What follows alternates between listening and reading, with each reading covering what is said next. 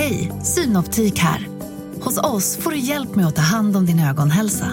Med vår synundersökning kan vi upptäcka både synförändringar och tecken på vanliga ögonsjukdomar. Boka tid på synoptik.se. Idag åt jag en ostfralla eh, som jag köpte på bakgården. Och så köpte jag även en mac and cheese med köttbullar i som jag åt till lunch. Tillsammans med Antikrundan, Antikrundan. den brittiska. Mm, fin tradition du har med Antikrundan på lunchen. Ja, nu är det också... Hellre än att träffa människor. Eh, De kan skriva mina citat innan jag ens säger dem. Så Eh, Där har vi en dialog. Vi, vi, vi har ambitionen att det ska vara klart eh, ganska snart. kommer man att se en mycket spännande fortsatt utveckling. Hur vi ska utveckla GIF Sundsvall. Det- Vi har en spännande utvecklingsresa. Mycket spännande utvecklingsresa. Han var klok nog att välja Sundsvall som nästa utvecklingsmöjlighet. Utan Det är en spännande lösning. Spännande forward, väldigt spännande central mittfält. Du lyssnar på GIF-podden! I den 85 matchminuten, Peter Wilson! GIF-podden är tillbaka med ett nytt avsnitt och vi är ju eh, börjar bli lite av en måndagsvana att ha ett nedsnack efter söndagens match. Nu var det GIF Sundsvall mot IFK Göteborg. Och det slutade ju som många känner till med en 3-2 seger för GIF Sundsvall och för första gången får vi, eh, för det blir det ju faktiskt, får vi stå och snacka ner en seger, Ytterström. För det var ju du och jag som jobbade igår. Ja, för först, det är första gången för många. Första gången Brian Clairhout tog en seger som huvudtränare för GIF Sundsvall. Första gången Benny Mattsson tog en tränare som, för A-laget där i GIF Sundsvall. Eh, Första finns- gången Benny Mattsson tog en tränare. Var- Eh, han har ju däremot tagit A-lagspoäng i form av spelare. ja, Eh, ska jag väl säga då.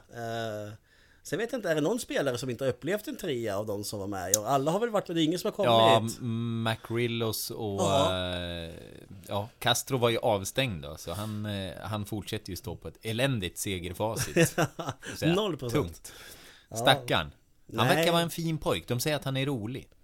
Mm, han gjorde en hälsning till patronerna det första han gjorde väl också. När han kom hit tyckte jag mig se genom sociala medier att han tackade för välkomnande. Typ två dagar efter han kom hit gjorde han någon video. Så att, Ja. eh, Ja. han verkar pepp. Det Ja. gillar vi. Ja, det gillar vi. Sen kan det ju bli för mycket med sånt där. Man kommer direkt och kysser klubbmärken och sånt där. Men det är en annan diskussion som vi ska skita i nu. Ehm, det, eh, det här var ju ett jäkla ös. Alltså, kan vi börja med, kan vi börja med innan matchen? Det var ju pyroteknik och tifo och grejer. Vill du att jag ska uttala mig om pyroteknik igen? det kanske ska sägas att jag fått en del mail efter min, min eh, efter jag sa att jag tycker att jag har inga problem med det. Så den diskussionen har jag haft. Du Däremot- glorifierar illegal pyroteknik. Exakt, jag, jag ska tydligen uppfostra andras barn. Men skitsamma om den biten. Eh, Det var ju en fin hyllning framförallt till gamla giffare. Det tycker jag vi eh, kan ta fram. Man lyfte 11 stycken i patronernas Ja. tifo. Ehm, Jag hade och- sett alla utom en live tror jag.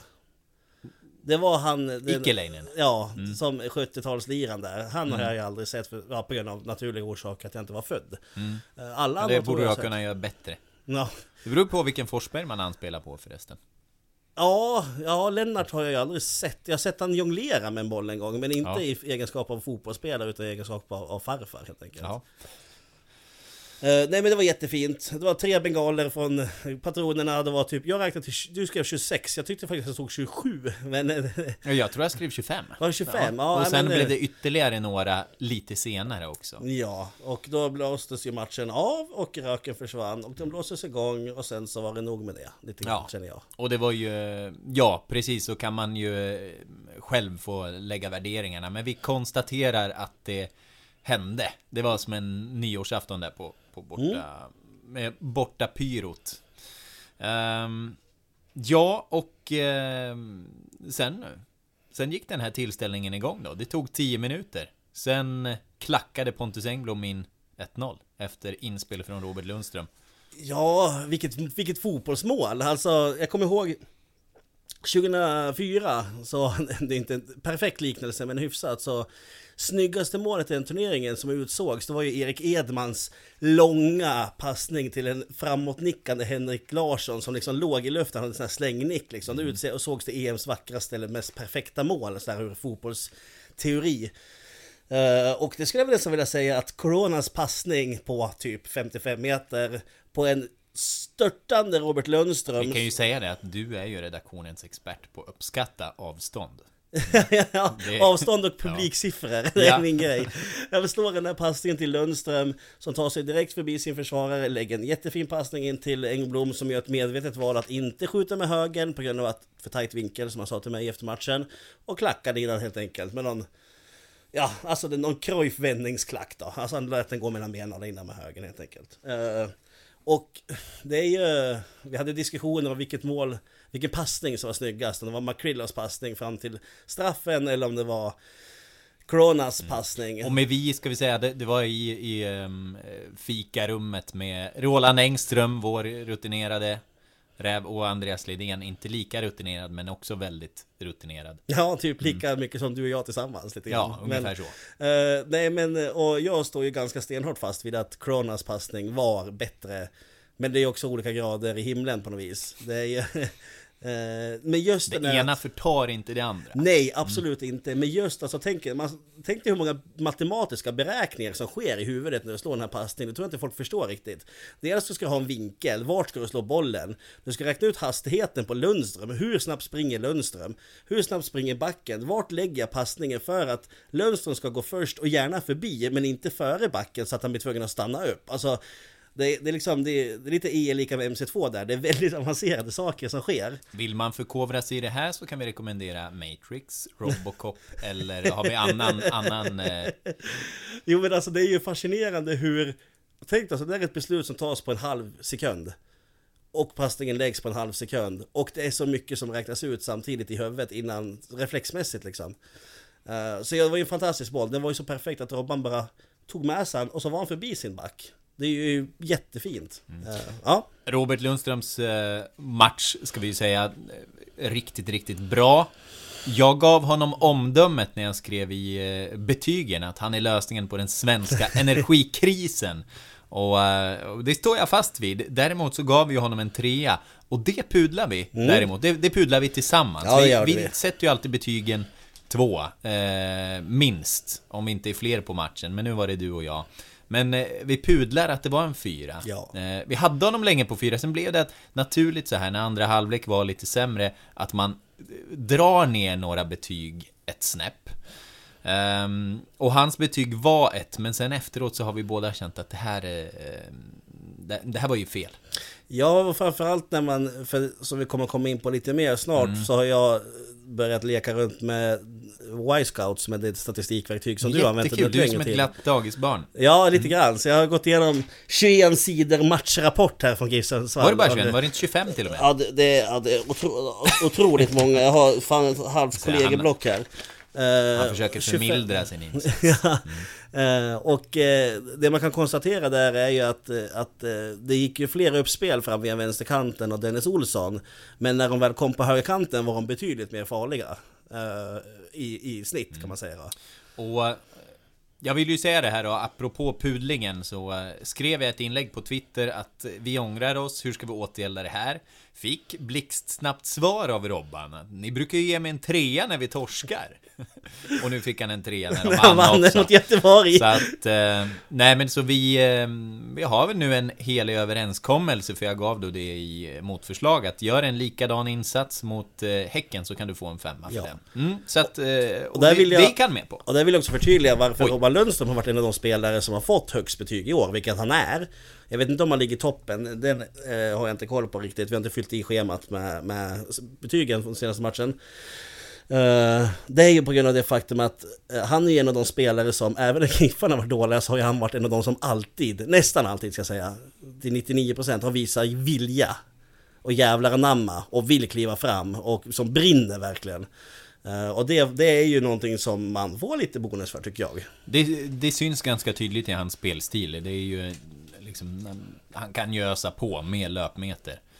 Så är det ju. Och Ja. de har han ganska många och dessutom syns det ju lite extra när man är så fruktansvärt snabb som man är. Jag tror det kom ut en ny sån här snabbhetslista på omgångarna, jag tror det var efter 23-24 och då undrar om han inte till och med var i topp. Ja, det förvånar mig inte. Rasmus Lindqvist kom väl upp Han för var- några veckor sedan va? Ja, han var där tvåa på någon tidigare sån Mm. lista. Pontus Engblom kanske slår till med nu, för när han, nu fick han ju göra lite härliga Nu, maxlöpningar nu här. har han varit snabb igen. Ja. Eh, exakt, å andra sidan så, så ser han ju ännu snabbare ut när han springer bredvid Mattias Bjärsmyr. Och det, eh, då har vi en naturlig övergång till 2-0 målet också. Eh, den här passningen från McRillos i eh, djupet. Jag känner mig lite taskig här, för, eller taskig, jag tycker var lite... Innan det här målet så sa jag till dig, jag vet inte om du hörde det eller inte, Mm. jag bara Alltså Bjärsmyr har ju hockeyröv, sa jag. Alltså han, han, han såg ju, alltså det här var ganska tidigt i matchen, att det var liksom det var, ju, det var ju, det fanns ju ingen turbo i den där dieseln inte, utan det var ju, det var ganska dåligt. Alltså inget ont om Mattias Bergsby som har en jättefin karriär, skicklig fotbollsspelare, men där är det ju en spelare där det verkligen syns att det har blivit lite, han har blivit gammal och inte, och inte liksom har något klipp överhuvudtaget kvar i steget. I alla fall inte mot GIF Sundsvall. Mm. Och vi, eh, vi ska inte anmärka på honom utseendemässigt. Nej, det var mer att göra att han såg, han såg tung ut. Ja. Alltså, tu- tu- tung, alltså tung ut liksom. Det är inte att jag objektifierar Mattias Bjärsmyr, Nej. utan han såg tung ut helt enkelt. Eh, ja, nej men Pontus Engblom gör det, det smarta där. Eh, han, eh, han vet ju om att antingen så kommer han ta sig förbi och eh, jag får till ett avslut, eller så kommer han ta sig förbi och bli kapad, Mm. eller så kommer han nästan ta sig förbi, men han kommer antagligen få med sig en frispark eller något, för han visste ju att han hade Bjärsmyr där. Men det är så märkligt, ja precis, för han går ju in framför Bjärsmyr och då är ju enda valet att släppa Engblom eller att eh, dra på sig någonting. Men det är så märkligt med det hur, hur Bjärsmyr agerar i den situationen, att han inte försöker komma runt Engblom. Det är precis som att han ställer sig på hälsenorna på honom och eh, det ser liksom bara dumt och klumpigt ut till slut. Eh, Jag, jag, jag tror han har fått mycket skit efter det här. Ja. Det är nog eh, förbannat jobbigt, men ja, det syntes i Göteborg att de saknade Kalle Johansson som har varit fin där. Oh, som ja. mittback ihop med Bångsbo. Den Supertalangen. andra supertalangen. Ja men och så är det just att, om jag ska vara helt ärlig där, Pontus var så nära mål vid sitt avslutstillfälle så jag tror inte han hade satt den där. För det, han, var så, Nej. han var så tight mot, eh, eh, vad heter han, Pontus? Pontus eh, Dahlberg, Dahlberg. Som gjorde debut. Som gjorde debut, härlig debut för han också. Alltså, det, så jag tror att det, det var ett ganska tufft avslutsläge för att vinkeln hade försvunnit lite grann där. Men ja, det, man ska inte vara... Det, det vet vi inte i efterhand. Men jag tror att det smartaste hade varit att bara släppa han och låta han ta avslutet. Ja. Ja, sånt är livet. Fullt av efterklokhet. Ehm, Och snygg straff sen av Pontus, Ja. får vi konstatera. För att vi ska ta vidare, väldigt fin straff. han Iskall. är nu delad sexa i skytteligan. Mm. Eh, beroende på hur man räknar, det, det är ju lite olika hur man räknar med straffar och sådär Men han har gjort lika många mål som Ja. eh, de andra Ja men jag har sett att det finns lite olika skytteligor Ja, eh, just skytteligan då vänder jag mig gärna till Soccerway Och där har de inom parentes straff Ja, just det. Jag tänker mest den som blir utsedd till Årets skyttekung i Allsvenskan och det är den man får gå efter lite grann. Ja, det är det, det, det är 18 officiella. straffmål är också 18 mål Mm. Exakt. Eh, och sen så, eh, för att tuta vidare, för vi ska ju prata lite statistik, så är det ju ett, ett uh, slumpmässigt men ganska trivsamt mål för Giffarna som kommer i slut också. Mm, verkligen, och eh, Peter McRillo, ser man till totalinsatsen sen eh, Så var det ganska fint att han också fick Göra det målet på någon eh, andra retur typ. Och då kan jag berätta det efter matchen för eh, det, det märkte ju eh, säkert många, han la sig ner i andra halvlek, jag trodde han blev utbytt. Jag, jag skrev till och med in det i vår slutsignalstext att McRillos bytte ut i, byttes ut i minut 70 någonting. Men sen så eh, märkte jag att så, så, så blev ju inte fallet och jag, jag fick ändra. Han byttes inte ut förrän i typ 80 va, när Novik kom in. Um, anledningen till att han la sig ner och, och hade det jobbigt, det var att han eh, kämpade på med någon form av magåkomma. Ska väl inte vara magsjuk, eh, får väl hoppas, för då, då har man det jobbigt i laget kommande veckan. Men någon form av magåkomma, så vi får väl anta att han typ höll på att skita på sig. Och med det i åtanke, enorm insats, ännu mer enorm. Det, det ska han ha. Ja, Det ska han ha. springer omkring med en, en tilltänkt diarré i 80 minuter är nog inte det roligaste man kan göra på en fotbollsplan faktiskt. Jag har varit med om det och eh, jag, jag har sett det, jag har varit med om Ja det men usch. och jag vill inte göra om det. Vi lämnar, det, vi lämnar det därhän Det är känner jag lite grann. Ja, det kan vi Eh, göra. Det för, kan vi göra. För sen har vi ju en andra halvlek då som, eh, där, eh, där det blir nervöst men Giffarna rider ut stormen på något vänster. Typ. Ja, lite så. För givetvis, alltså man börjar andra halvleken bra. Man, man pumpar på som man gjorde i första halvlek. Jag tycker inte Göteborg fick någon riktig effekt av sina byten. Snarare hade ju Giffarna kunnat öka på. Hade de kunnat göra redan i första halvlek. Eh, men jag tror att vi, vi kollade där någonstans kring 67 Om man tittar då på eh, Y-scout så övergick Giffarna i eh, speluppbyggnaden till att vara mer av en mer av ett fembackslag än ett trebackslag och där det vill jag ju hävda är en sån här självförtroende grej man, man, man vill säkra upp det liksom.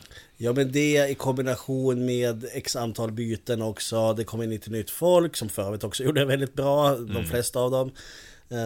Och- Pitchka kan vi nämna Pitchka kan vi nämna, gjorde Mm. otroligt bra inhopp. Eh, för något som vi...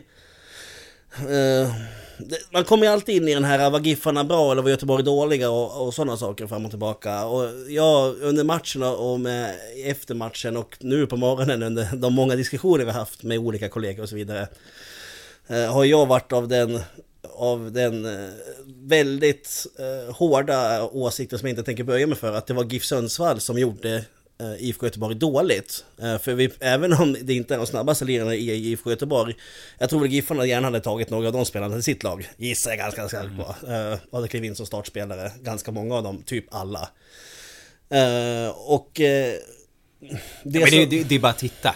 Kan jag få stanna där? Förlåt Ja, att jag nej, men avbryter fortsätt, men, men alltså Ta, ta vid du. eh, Pontus Dahlberg, du har väl ändå någon januari-turné och sånt där på honom. Du har Oskar Wendt som eh, var en av Bundesligas bästa ytterbackar. Emil Salomonsson har gjort januari-turnéer. Du har ehm, Ja med Johan Bångsbo, ju jättetalang mittback ihop med Bjärsmyr. Ja, även om karriären i dalande. Han var nyss proffs i eh, Turkiet var det va?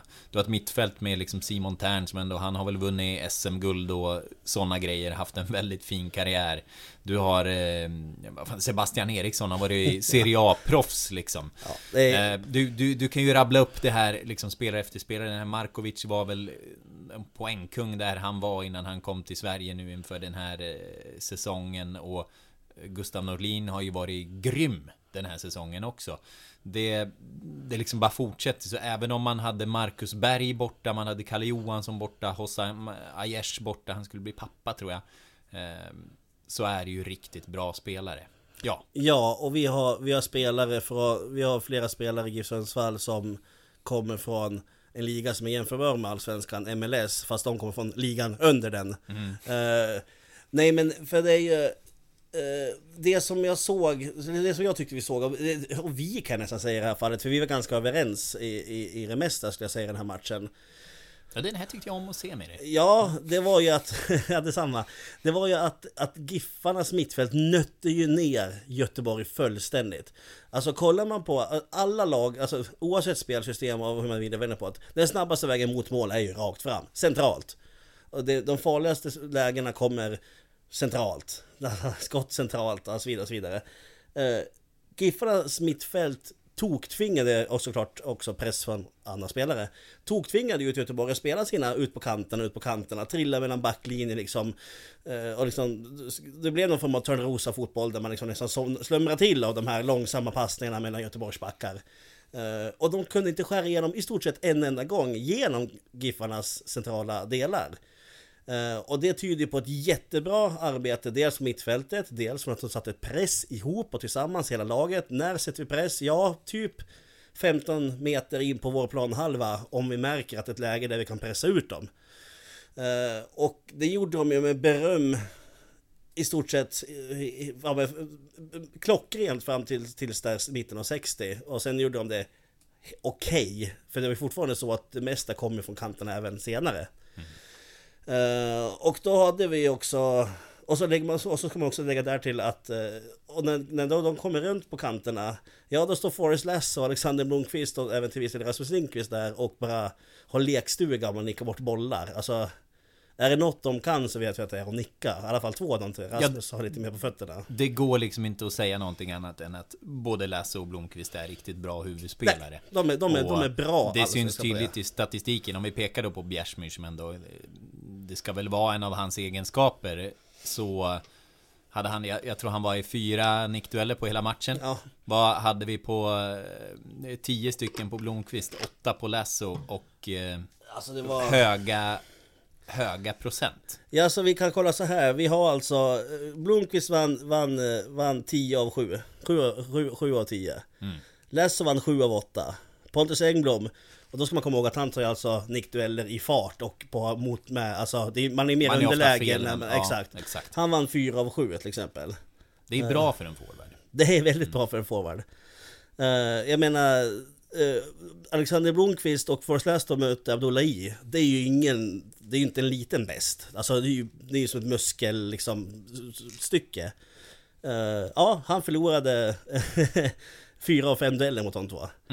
Och då tänker man sig att det är en kille som ändå ska kunna brotta ifrån dem. Nope, han, han, han, han blev borttagen av dem helt enkelt. I luften ska sägas här då.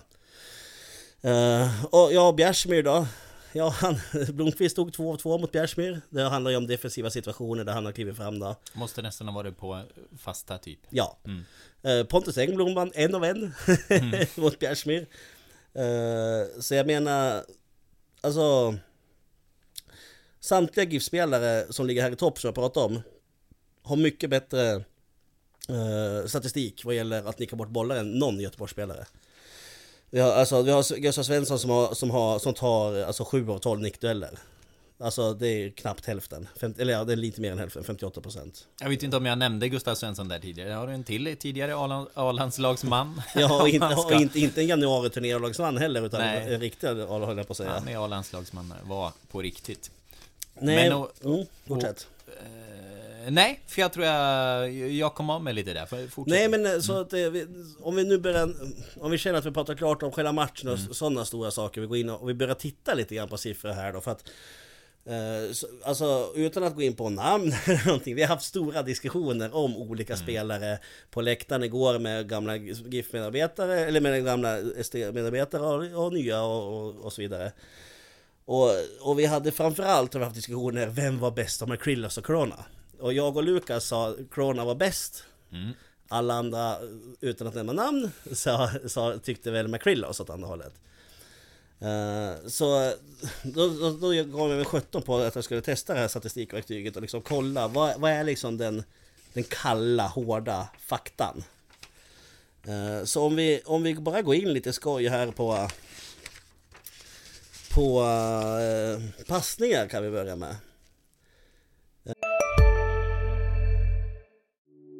Hej, Ulf Kristersson här. På många sätt är det en mörk tid vi lever i. Men nu tar vi ett stort steg för att göra Sverige till en tryggare och säkrare plats. Sverige är nu medlem i Nato. En för alla, alla för en. Vi är specialister på det vi gör, precis som du. Därför försäkrar vi på Swedea bara småföretag, som ditt. För oss är små företag alltid större än stora och vår företagsförsäkring anpassar sig helt efter firmans förutsättningar. Gå in på swedea.se företag och jämför själv. Eh, hur många framåtpassningar la de? Joe Corona satte alltså 13 av 15 framåtpassningar, 87%. Uh, McCrillos 4 av 6. Ba- Vi börjar alltså med det faktum att Corona slog tre gånger fler passningar framåt än vad McCrillos gjorde. Och eh, det, det har säkert mycket också med positionen att göra också. Ja. Att han är den eh, McQuillas sexan, gick- den ja. som sjunker ner. Eh, Och jag vill också reservera mig för att jag är ny på det här statistikverktyget så råkar jag säga någon lite fel så får jag be om ursäkt på förhand. Men rent eh, om jag har missförstått någon av liksom, för det är ganska avancerat hur de benämner de här kategorierna. Om vi kollar på passningar då åt, eh, åt sidled då blir det va? Eh, som heter lateral passes. Eh, och det behöver ju inte vara negativt, det är ju bara att man sprider vidare. Där satt alltså Joe Corona 20 och 22 passningar, 91%. Uh, McCrillos 3 av 5, 60%. Uh, kollar vi på korta och lite mediumpassningar och då, då är vi de typ 10-15 meter eller vad det är, sådär mellan 5 och 15 meter har jag för mig. Du har väl exakt definition där, kan du ta fram? Eh, Det ska jag kunna ta fram medan du... eh, Medan du Och där kan jag konstatera att eh, där är alltså eh, McCrillos slår alltså 37 av 43 passningar rätt och eh, jag säger Corona och McCrillos slår 21 av 24. Så rent procentuellt eh, ligger de lika där men än en gång så slår Corona nästan dubbelt så många. Eh, kort och mediumpassningar är passningar som är under 40 meter. Och det är så pass långt? Ja. Ja, där ser man upp till 40 ja. Sen så den som jag tycker är den intressantaste statistiken på ett sätt för den brukar ju oftast, det här är liksom, det här kan ju vara passningar som är fram och tillbaka, man kan ju få fyra passningar på fem sekunder liksom. Eh, alltså när man bara passar kort åt sidan. Mm. Långpassningar. Eh, det är alltså mer än 40 meter? Det är mer än 40 mm. meter. Där sätter alltså Joe Corona sju av åtta passningar. Det är alltså, värt en liten applåd. Ja, alltså, ja, lite. Liknande siffror, om det hade funnits, tror inte jag att jag har sett sen Tom Kåre Staurevik var i GIF Sundsvall på de här långpassningarna. Batanero kommer folk säga, men jag kommer hävda Staureviken då. Det här är, det är ju... Nu, nu har vi liksom, nu har vi papper och statistik framför oss för att inte killgissa. ja, det är mer att jag är så otroligt besatt av Tom Kåre Staurevik. Det är en av mina favoritspelare i GIF Sundsvall genom alla tider. uh, och där har alltså McCrillos en passning och han lyckas inte med någon. Så den här passningen han slog måste ju varit under 40 meter då. Uh, eller över 40 meter. Ja, den, uh, över 40 meter måste det vara. Ja. Och hoppar vi vidare på lite mer allmän statistik. Eh, och eh, sen så vill jag väl uppmana att om folk vill höra generell statistik eller sånt där så kan jag eller Lukas ta fram det till någon kommande gång om det är någon särskild spelare man är nyfiken på eller om man vill att man ska göra något sånt. Det kan vi väl bjuda på tycker jag. Det kan vi bjuda på. Vi använder ju gärna den här... Eh, vi använder gärna Y-scout och fördjupar oss i det är inte alltid lätt att hitta vad man ska göra av statistiken. Det är ju enormt stort. Det finns ju värden på mer eller mindre allt. Ja men typ vilken, vilken fot, eller vilken strumpa som på först höger eller vänster, liksom på den nivån. Alltså det är helt löjligt hur mycket den går ner i. Uh, om man kollar på lyckade aktioner Uh, och då, då antar jag att det räknas in, är det därför du kanske hjälper mig lite Lukas? Det, det är egentligen ett, ett samlingsvärde av allt du gör på, eh, på planen egentligen. Uh, och där Alla aktioner du är inne i, passningar, dueller, eh, allt. Där har vi alltså, och där blir av, av naturliga skäl, i och med att eh, det blir också sämre kategorier, så blir procentuellt lite sämre då. Eh, Corona har alltså 85 aktioner varav 54 eh, är, är, success, är successful, alltså lyckade då, 64 procent. McCrillos har, har 29 av 52, det är 50 procent, 56 procent. Kollar vi på passningar 44 och 51 sätter alltså Corona en passningsprocent på 86 så skulle jag vilja säga helt okej. Okay. Speciellt med tanke på att då sju av de här passningarna var över 40 meter. Uh, 21 och 26 på McCrillos vad gäller passningar, 87% väldigt bra siffra det också. Eh, 81, väldigt bra det såklart också. Uh, dueller vunna. Det här tror jag folk kanske blir lite förvånade över.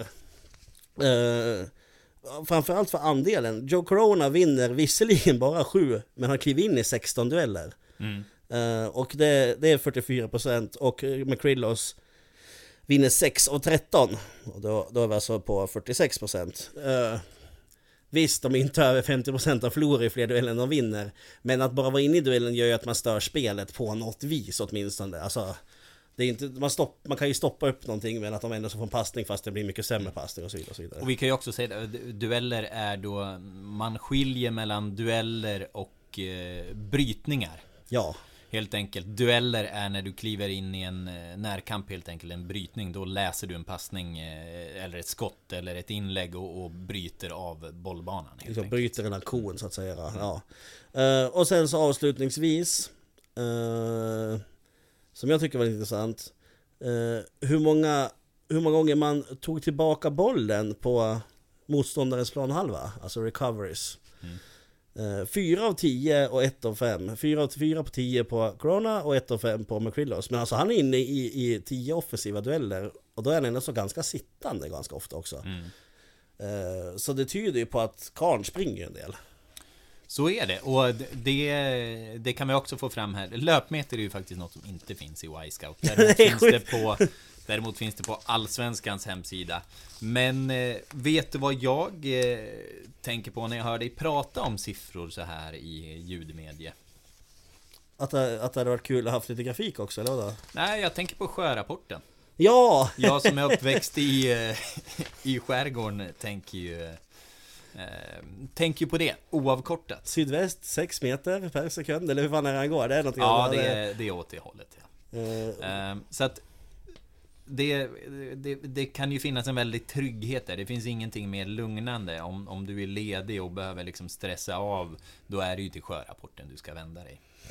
Och Men när vi pratar om duellerna dessutom, det är ju såklart att inte Corona och McWilliams ligger ju inte i topp där såklart. eh, Utan toppar ligan på, alltså och kliva in i dueller, det är ju Lasso, det är Blomqvist, de kliver in i 19 dueller var. Lundström 16 dueller. Eh, Engblom 17 dueller, 17 dueller är liksom, eh, ja det är ganska imponerande. Sen vet jag inte om den här, äh, den sista siffran tror jag inte upp för den tror jag inte kan stämma någonstans att det är 15 dueller på Marcus Burman. Han var, ja, han var ju inne i ganska mycket, även om han hade det tufft där. Fast Eh, han, han har sju dueller mot Gustav Svensson enligt den här. Ja, ja. Vi får väl eh, se hur korrekt det är. Men eh, kan ju säga det att tydligen, eh, jag är inne på allsvenskan.se nu. Eh, data saknas på löpmeter så det har kraschat där. Men eh, det är ju ett tips annars, för det är ju ett, eh, det är ett roligt mått att få, få ut. Men jag vill säga det, jag pratade ju med Brian efter matchen och frågade lite om taktiska nycklar och eh, det är också lite härligt när, när, när man får bekräftat lite det, det man såg sådär. Han, han, han var ju väldigt nöjd över hur man lyckades eh, liksom klara eh, matchplanen. Eh, och mycket av den gick ju ut på att en, en stor del var ju att eh, McRillos och Erik Andersson som då bildade centralt mittfält ihop med Corona. Corona lite tillbakadragen som vi var inne på. Eh, när Giffarna hade bollen så skulle de här bredda ut lite, dra på sig bevakning från Göteborgs ytterbackar. Eh, och den fällan klev ju Göteborg i. För där kunde Robert Lundström och Dennis Olsson storma fram och vi såg ju dem mycket mer involverade efteråt. Oj, oj. Eller Ja. eh, vi såg ju dem mycket mer involverade än de har varit på sistone och där, där fick man verkligen fram dem. Och båda i samma match. Det är ju nästan till unikt. De gjorde ju toppenmatcher båda två och jag kan inte säga att Dennis Olsson skulle petas för Castro igen från och med nästa match. Nej, nej, inte, nej, nej, nej. inte efter det här. Det är bara att se till att göra en habil träningsvecka så ska han vara där. Det var, det var liksom som att för första gången på länge fick vi se det här oförlösta i Dennis Olsson också. Man, eh, man blir lite glad å hans vägnar, för man känner ju till hans hjärta också för det här. Ehm, det var roligt. En, en annan del var att man valde att droppa bak rätt ordentligt med Saku Ylätupa. Han skulle inte vara uppe i linje med Pontus Engblom. Eh, vilket också lurade fram Kalle Johansson på honom. Varpå Engblom hamnade i de här löpduellerna med Bjärsmyr, där han ju utklassade honom. Får bara säga det om Bjärsmyr. Förlåt, vi, vi vill inte bidra till någon mobbing. Men man vill ju ge honom en chokladask och en kram. Det är ju, han, han en hade, proteinbar Lukas, han inte hade, chokladask. han hade en eh, Han hade en tuff kväll Men det förringar inte att han har haft en toppenfin karriär Det är glada för hans skull På längre sikt. Ja, men... Men Ja, förlåt, fortsätt. Nej men det var ju Det var ju ett par av um, Vapnena, vad, vad sa jag där? Eh, McRillos Andersson Och Ylätupa som släppte som fram mittbackarna Ylätupa där. Sånt som de tog med sig mittback. Ja, och man ville ha de här blixtsnabba omställningarna. Och där var ju Corona en nyckel men även eh, Ylätupa är ju en länk där i spelet. Jag tyckte, jag tyckte han gjorde en bra match, mattades av ordentligt i eh, andra halvlek tyckte jag. Ehm, men vi, vi såg honom få fram lite av den här kreativiteten som, som han har. Framförallt så minimerade han de här eh, otroligt konstiga misstagen han kan göra ibland. Typ att han ska snurra runt 14 varv framför försvaret istället för att lägga passning åt sidan och tappa ut någon boll och sånt där. Uh, jag tycker han också var jättebra. Och det som vi har kollat också lite närmare på är också att som du, som du är inne på, alltså Dennis Olsson och Robert Lundström hade ju autostrador liksom på sina respektive kanter ganska mycket. Och just att de kombinerade både höger och vänster. För Giffarnas del har det ju varit antingen höger eller antingen vänster. Innan Robban kom fram var det ju alltid, alltid, alltid, alltid vänster. När, när, när Dennis hade typ 17 poäng i Superettan-säsongen eller vad det var. Eh, och kollar man på, på statistiken även här så är det så att de kliver fram mer på vänsterkanten i den här matchen mot Göteborg. Men när de kliver fram på högerkanten så blir det alltid mer farligt. Det är alltså, det är ganska, det är ganska, ganska... Men tänker du det utifrån expected goals? Det, eller det, vad? delvis också, men man ser på hur många, många det, det är expected goals-grejen jag tittar på här just nu. Mm. Eh, Men det beror ju också på hur slutresultatet blir. Och där har man till exempel att Robban tog ett avslut med vänsterfoten till exempel. Mm. Och saker. Eh, Men, men, men sen så eh, kollar jag också på och går in på en annan sak. Eh, Som vi, när vi, när vi scrollade runt lite grann tidigare. Det var ju det faktum att Corona, Rasmus Linkvist, Alexander Blomqvist tror jag att det var, och Ylätupa hade typ som främsta passnings, passningsspelare Pontus Engblom. Mm. Pontus Engblom var ju verkligen targetmannen, utan att vara en targetspelare, targetmannen för eh, nästan halva GIF Sundsvalls lag. Alltså då den de slog flest framåtpassningar till. Eh, Och det visar ju också på att eh, hur otroligt viktig han var i den här matchen. Och han och sättet han genomförde matchen på är ju, är ju, var ju otroligt imponerande och hur han orkade. Och det visar också en gång hur viktigt det är att ha karln på plan. För det var som sagt, Mm. alla ville nå Engblom. Eh, Ja, Ja, de har, de har ju inte en bättre bollmottagare, vill jag hävda. Sen, eh, så att, och dessutom den här gången kunde man ju använda honom i djupet, för han, han är snabb. han är snabb. Ibland får man för sig att han inte är det. Men det är det, jag, tror, jag tror att det har att göra med, för min del handlar det mycket om att göra med för, för många år sedan så spelade ju Pontus Engblom utlånad till Giffarna från, jag kommer inte ihåg om det var AIK eller vilka det var, och då spelade även Padibba i Mm. GIF Sundsvall. Eh, Och det hade vi också diskussioner och så, eh, så liksom att Ja men varför får inte Ponte spela? Varför får inte Ponte spela? Sa, vi, sa flera spelare. Och så sa jag det att Vad jag tyckte att ja, När Pontus löper så är han inte Han gör ju väldigt sällan maxlöpningar Utan det är 80-procentiga löpningar Alternativt att han inte visar Så tydligt vart han är på väg att löpa Och då är det väldigt svårt att sätta en, spel, en boll på en spelare som inte är Tydlig i sin kroppskommunikation vart han vill ha bollen Uh, och, och Padibba var ju att han bara, han bara sprang ju. det var liksom, han visste man vart han skulle ta vägen. Eh, och så efter, några, efter några månader så, så eh, nu ska jag credda mig själv här. Jag är absolut inte något analytiskt eh, geni vill jag poängtera väldigt snabbt. Eh, men då gick faktiskt eh, Rolle Engström, då, sportchefen, dåvarande fram till Sören Eriksson och pratade om det här. Och så nämnde han vad jag hade sagt och så sa Sören att det är helt korrekt.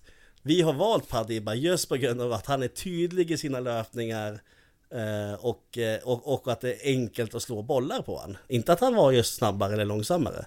Och för min del är det därför att jag ibland tänker mig att åh fan han är inte så snabb alltid Pontan. Men han är ju faktiskt objektivt sett snabb. Ja.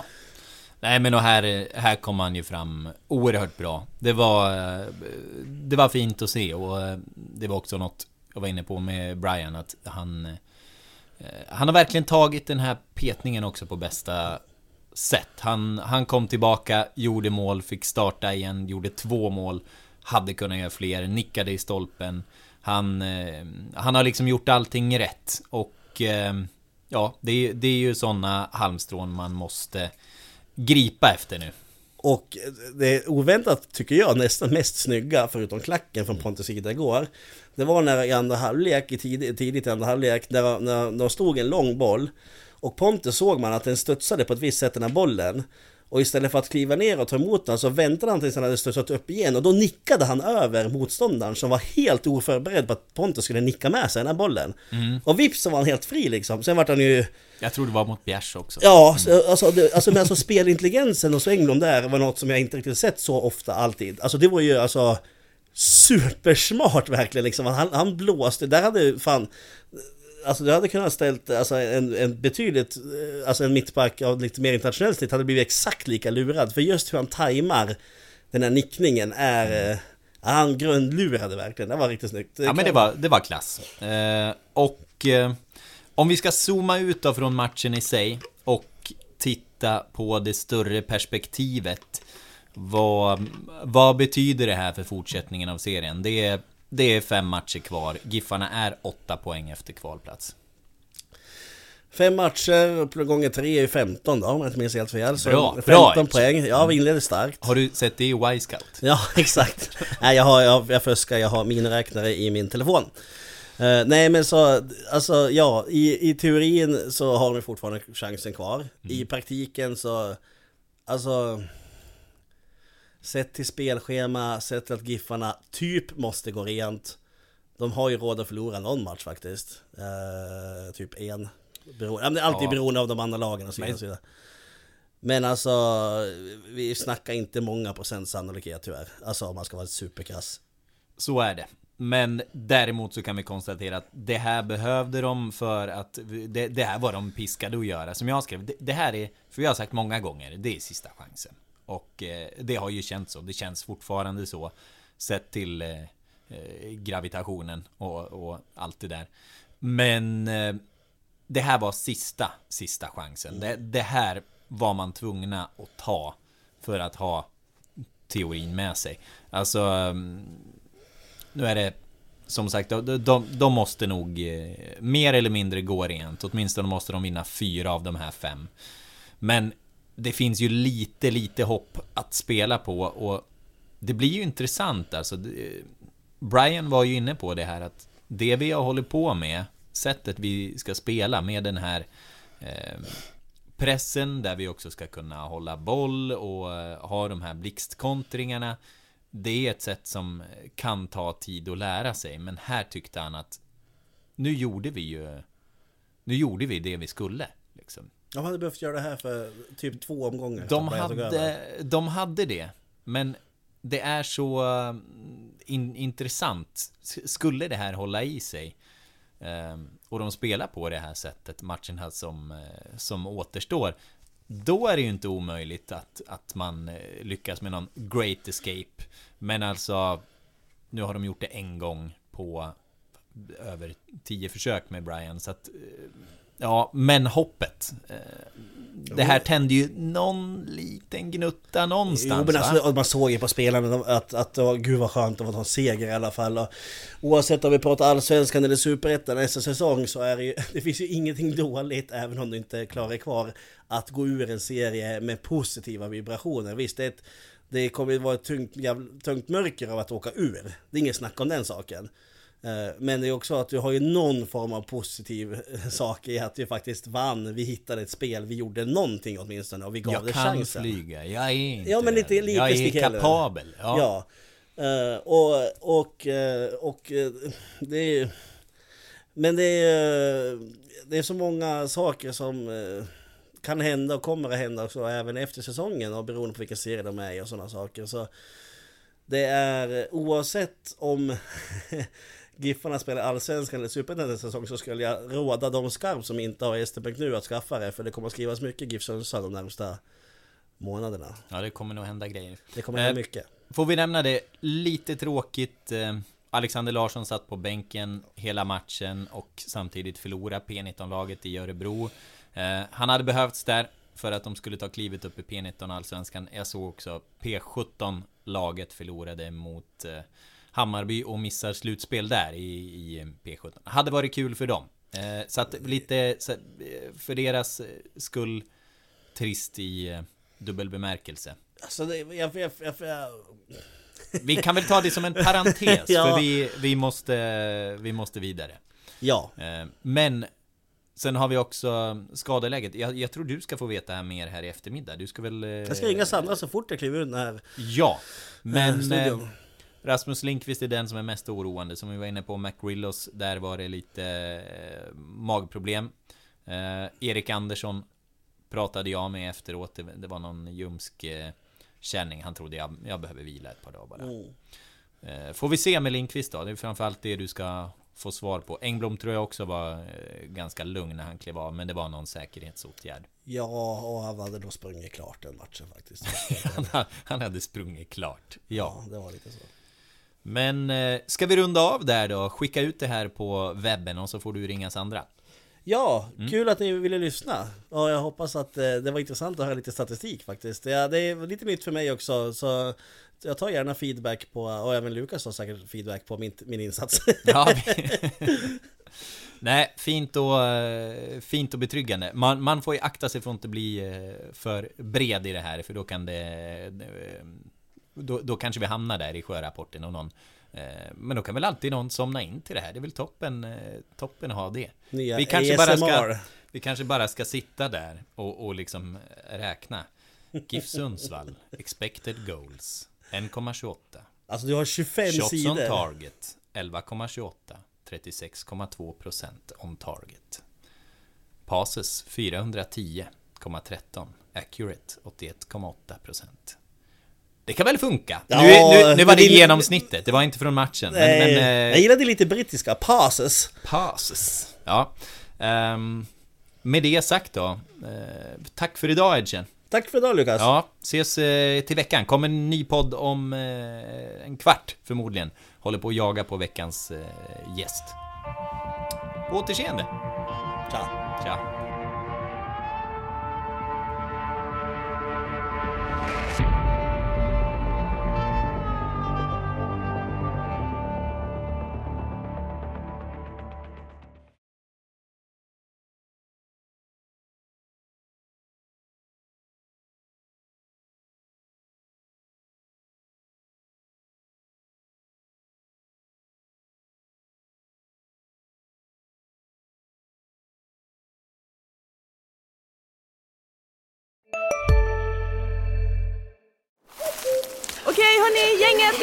Vad är vårt motto?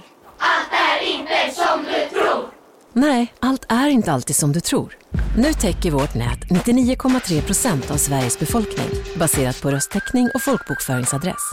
Ta reda på mer på 3.se eller i din 3-butik. Big Mac har miljarder fans över hela världen. Under mer än 50 år har den skapat popkulturell historia. En legend med 100% nötkött och den mytomspunna såsen. Nu finns Big Mac för bara 39 kronor på McDonalds.